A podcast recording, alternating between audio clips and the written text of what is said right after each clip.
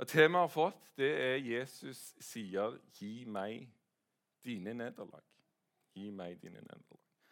Og Da tenker jeg det kan være greit med en, at vi tar en realitetsorientering. Sånn at, eh, sånn at vi ikke tror at det bare gjelder de som kjenner på nederlag for tida. Nå nevnte jeg et av mine små personlige nederlag. Eh, det var jo forholdsvis lite. Det gikk bra. Men det var synlig, og det ble gjenstand for en viss oppmerksomhet. Eh, noen av oss får noen sånne synlige nederlag, og så kan vi le av dem i ettertid og bli fort glemt. Men så kan vi òg oppleve nederlag som ikke blir så lett glemt, eh, og som forblir synlige. Noen ganger er de ikke bare synlige, men de kan òg oppleves store. Og for noen blir de livsdefinerende. Konsekvensene er ikke alltid forbigående, men noe vi må leve med, kanskje resten av livet. Så har vi alle våre nederlag. Men det er ikke alle som er like enkle å oppdage. Det er ikke alle som blir synlige. Eh, og Når vi tenker på nederlag, så tror jeg det er de synlige som er lettest å tenke på eller oppdage. De synlige er de som får store konsekvenser. Og For noen kan det kanskje være lettest å oppdage synlige nederlag i andres liv. Og så glemmer vi av og til eller oppdager ikke våre egne nederlag. Av og til fordi de skjuler seg bak suksess. Det er en teolog med navn Oskar Skarsaune. Han skriver i ei bok hvordan vi alle har våre avhengigheter. Eh, og I den forbindelse så sammenligner han det med misbruk av rus. Eh, så skriver han at det er en type nederlag som over tid blir synlige, og som ofte får store konsekvenser. Han skriver sånn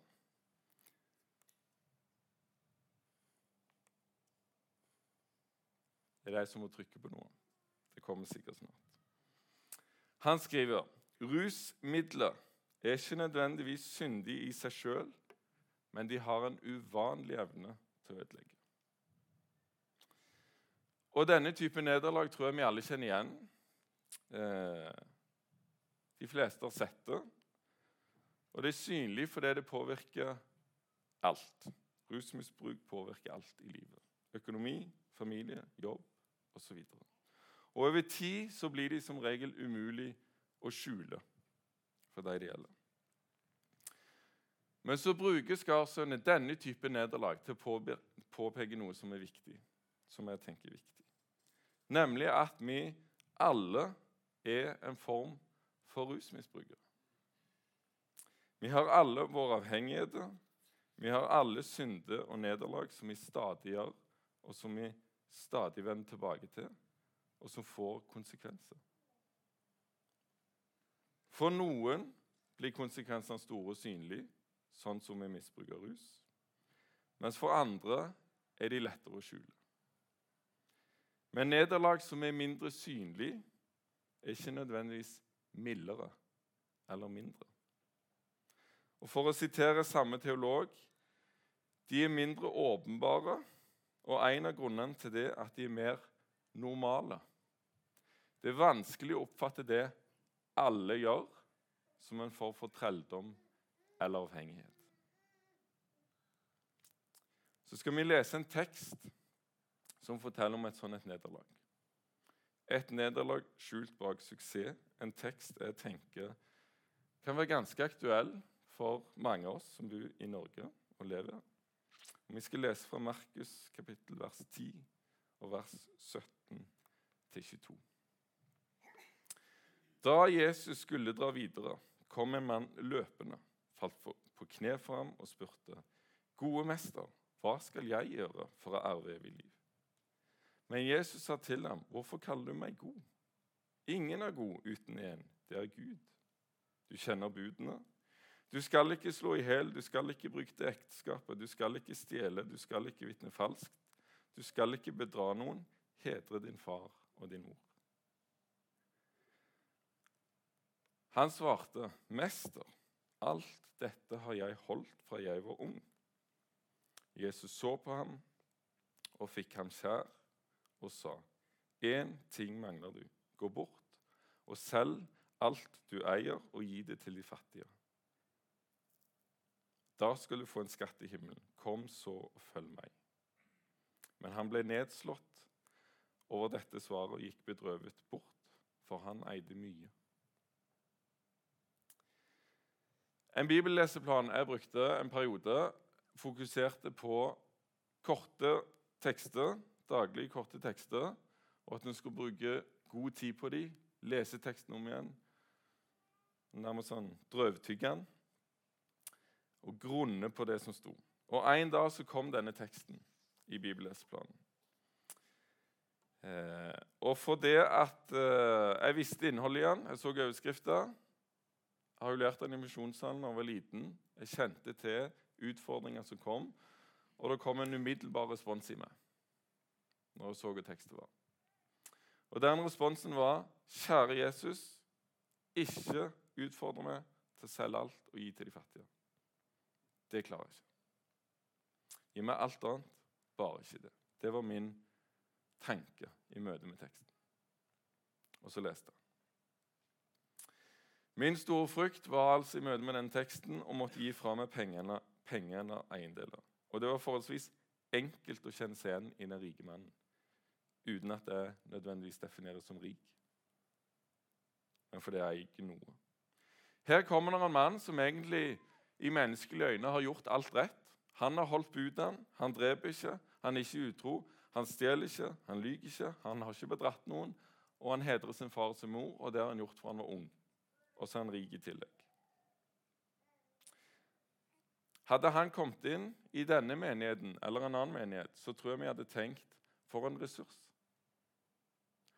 Og kanskje hadde vi tatt godt vare på han og satt han høyt. Han hadde iallfall blitt satt høyt i vårt samfunn i dag. Men han lurer på hva må jeg gjøre for å erve evig liv. Så noe mangler han. Noe har han kjent. Ikke på stell. Og så gir Jesus han en utfordring som i første øyekast nesten ser umulig ut. Selg alt du eier, og gi det til de fattige. Så kan vi tenke hvorfor gir Jesus en så brutal utfordring? Hvorfor er han så hard med ham? Her kommer det en som har gjort alt rett, ser det ut som. Men spørsmålet er ikke lite. Spørsmålet han stiller, hva må jeg gjør for å arve evig liv? Så det er akkurat som Jesus gir han en test og ramser opp budet. Og For denne rike mannen så er det sannsynligvis velkjente bud. Han har hørt dem før, han har holdt dem. Men nå sitter han altså her framfor Jesus på kne og lurer om å eie. Han kommer til Jesus. Han lurer på veien til evig liv. Han mangler noe. I all sin fromhet, all sin rikdom, så avsløres han i møte med Jesus. Du bindes av alt du eier.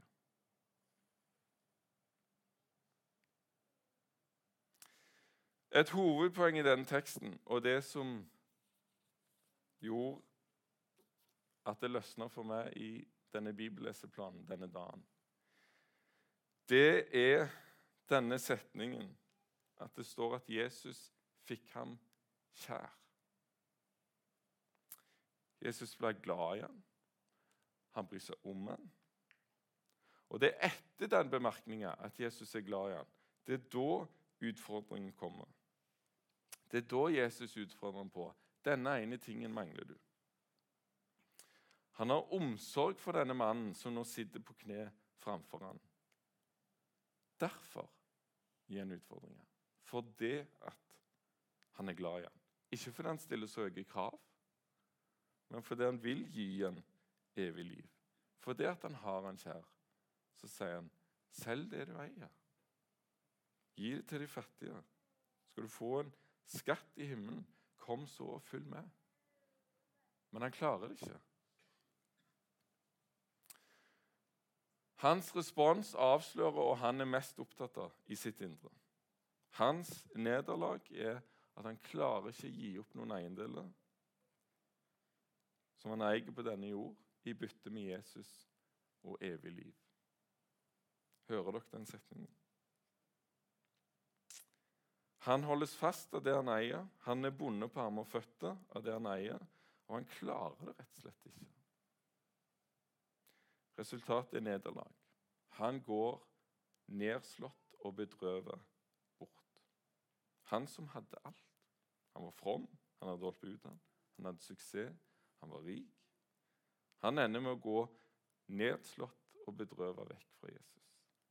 Hans jordiske suksess skjuler hans store nederlag. Han ble avslørt som avhengig. Og våre liv har en tendens til å bli avslørt i møte med Jesus. Og jeg syns det var ubehagelig denne dagen med bibelleseteksten eh, i denne bibelleseplanen. Eh, det var ubehagelig først, og så ble det ganske godt når han oppdaget setningen 'Jesus fikk ham kjær'. Og Så er det flere tekster i Bibelen om mennesker som blir avslørt som de de er. Og En av de mer kjente er teksten om kvinna med brønnen, eller teksten om den samaritanske kvinne. I den teksten så er det et annet type nederlag. Jesus er på reise gjennom Samaria, og det var et område som jødene i utgangspunktet ikke søkte så mye til. Eh, og et folk de egentlig ikke snakket så mye til, eller snakket med. Det var konflikt. Men her kommer Jesus. Han har kommet til en vannkilde som kalles Jakobskilden. Det er midt på dagen. Han står med en brønn. Det er midt på dagen. Og det er egentlig for seint for folk flest å hente vann. Det gjorde en på morgenen. Ikke klokka tolv, når det var varmt. Men så kommer det ei kvinne, ei samaritansk kvinne, og de begynner å snakke sammen. Og Hun kan egentlig ikke forstå hvorfor Jesus snakker til henne. For det første er hun kvinne, han er mann. I da, kulturen da så snakket ikke de sammen i utgangspunktet på, på egen hånd sånn. Og I tillegg er han jøde, og hun er samaritansk. Eh, jeg nevnte at det var midt på dagen og unormal tid å hente vann. Men her kommer kvinner med ei krukke for å hente vann. Sannsynligvis så gjør hun det for å unngå å møte de andre kvinnene som henter vann. Hun henter vann alene. Hun har noe å skjule, kanskje hun utstøtt. Og Historien er verdt å lese i sin helhet i Johannes evangeliet kapittel 4. Men her nøyer vi oss med å oppsummere at de begynner å snakke om vann. Eh, og Jesus peker på at han er det levende vann. Han har det levende vann. Så sier han det vannet blir du aldri tyst av igjen. Og Denne kvinnen vil gjerne ha dette vannet og be om å få det. Og så kommer Jesu utfordring. Da sa Jesus til henne, 'Gå og hent mannen din, og kom så hit.' 'Jeg har ingen mann', svarte kvinnen. 'Du har rett når du sier at du ikke har noen mann', sa Jesus. 'For du har hatt fem menn, og han du nå har, er ikke din mann.' 'Det du sier, er sant. Herre, jeg ser at du er en profet', sa kvinnen. Hun blir avslørt. Eh, kvinne møter Jesus, en mann som vet alt om henne. Hun har levd med flere menn, og den hun lever med nå, er heller ikke egentlig hennes mann. Og vi skjønner ut fra det at hun har levd et liv der det er brutte relasjoner, og bærer med seg noen nederlag. Sannsynligvis er det derfor hun går alene forventer hente. Selv det forholdet hun er i nå, framstår som et nederlag. Hun skjønner. Jesus ser mitt indre. Han ser alt. Hele mitt liv. Sjøl det jeg har lyst til å skjule. Og så I samtalen videre mellom disse to så blir det snakk om den lovende Messias. Han de venter på, frelseren som de venter på. Og Her står det en som vet alt om henne, og hun begynner å lure. Er det Messias som står framfor meg? Hun kunne jo gjort som den rike mannen og gått vekk, nedslått og bedrøva over å være avslørt. Men hun gjør ikke det. Det er et eller annet som gjør at hun skjønner at her er det en mann som har et annet liv å tilby meg. Et liv dekka av nåde og godhet. Et liv der jeg kan komme med alle mine nederlag. Og allikevel er han glad i meg. Så det hun gjør, er at hun lar vannkrukka stå, og så går hun tilbake til byen, til de folkene som hun egentlig skjuler seg for. Og så sier hun jeg har møtt en mann, og han vet alt om meg. Han vet alt. Kom og se. Han skulle vel ikke være Messias. Og de andre blir med, ut, eh, blir med henne ut til Jesus. Og så står det at flere kom til tru, Og så sier de til denne kvinnen nå tror vi ikke lenger bare pga. det du sa. Nå har vi sjøl hørt han, og vi vet at han er virkelig verdens frelser. Kvinners liv fullt med nederlag, vonde ting, blir vendt til frelse for henne og flere andre. Så er det i dette møtet med Jesus, med brønnen, på et unormalt tidspunkt å hente vann, det er der hun blir møtt, og det er der hun får en eller annen frihet. Hun blir avslørt, men hun blir møtt. Og Fra det møtet går hun vekk, og så gjør hun noe ellers ikke ville gjort. Hun vitner om han framfor de andre, som hun egentlig gjemte seg for. Og er forskjellen på disse to historiene? Mellom den rike mannen og den samaritanske kvinna. Han rike han var from, han hadde holdt budene, han er rik. Og vi hadde sannsynligvis tenkt han var suksessfull mann. Eh, han er det i egne øyne, og han er det i andres øyne. Den samaritanske kvinna hun lever et liv der de andre vil si du lever et liv i synd. Hun har brutt relasjoner. Det må ha vært vondt. Og gjemmer seg for folk. Begge blir avslørt av Jesus, og begge blir på den måten utfordra. Den store forskjellen er at den rike mannen går nedslått og bedrøva vekk fra Jesus. Han vender seg vekk, nedslått og bedrøva. Hun går frimodig bort. Hvem er du? Kan du spørre deg. Kanskje kjenner du deg igjen i begge. Og uansett hvem du kjenner igjen i, så har vi en Gud som står med åpne armer og inviterer oss inn til han, uavhengig av nederlag vi bærer med oss. Og så håper jeg at du skjønner med det jeg begynte med, at det handler ikke om type nederlag. Det handler ikke først og fremst om du bindes av alt du eier, eller om du har levd med flere, eller hatt flere menn eller kvinner, eller om det er noe annet som er nederlaget.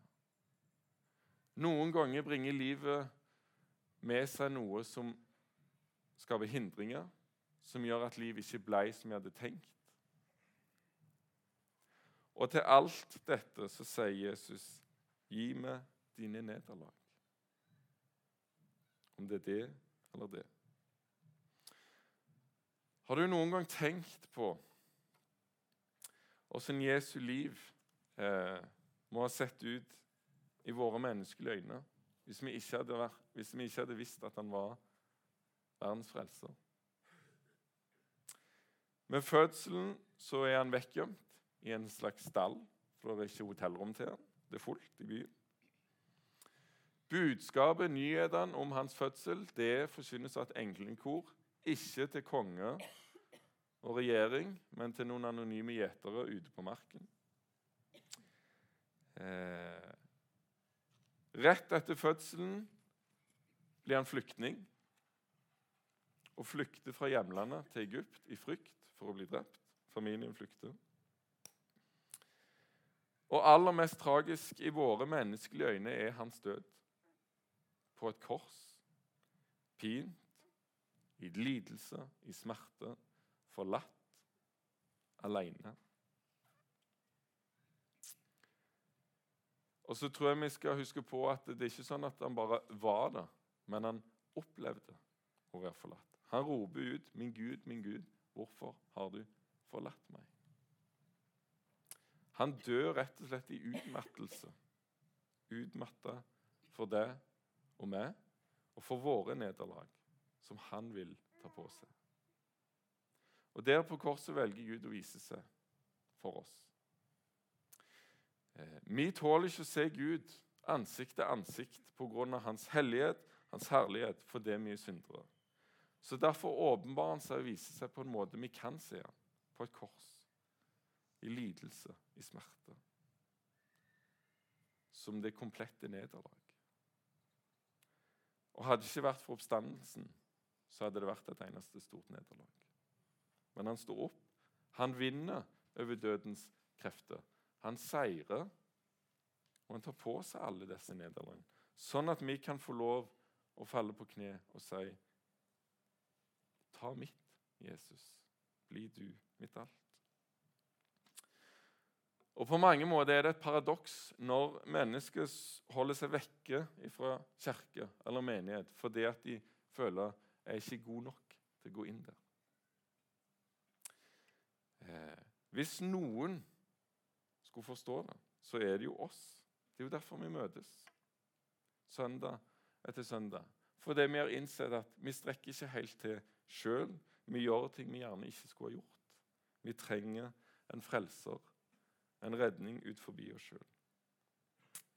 Og Denne frelseren velger å åpenbare seg på den mest paradoksale måten i våre menneskelige øyne. I menneskelige øyne et nederlag, i Guds rike full seier. Jesus sier til oss alle, 'Kom, gi meg dine nederlag. Kom og følg meg.' En annen måte han har sagt det på, er sånn. Kom til meg, alle dere som strever og bærer tunge byrder, og jeg vil gi dere hvile. Og Den hvilen tilbyr oss alle, tilbys oss alle. Tenk hvis den rike mannen hadde sagt jeg vet noe, det skal jeg gjøre. Og liv han hadde fått i frihet fra å eie så masse. Det som bandt han. Nå er det ikke det å eie så masse i utgangspunktet, det er hjertet til det. Han går bedrøvet nedslått vekk fra Jesus. Han vil ikke innse sitt nederlag. Kvinna med brønnen hun innser sine nederlag og innrømmer du har rett, Jesus. Dette har jeg gjort. Dette var ikke rett. Og går vekk med et nytt liv. Hun forstår at denne mannen han tåler hele meg. Og derfor kan jeg overgi meg til ham.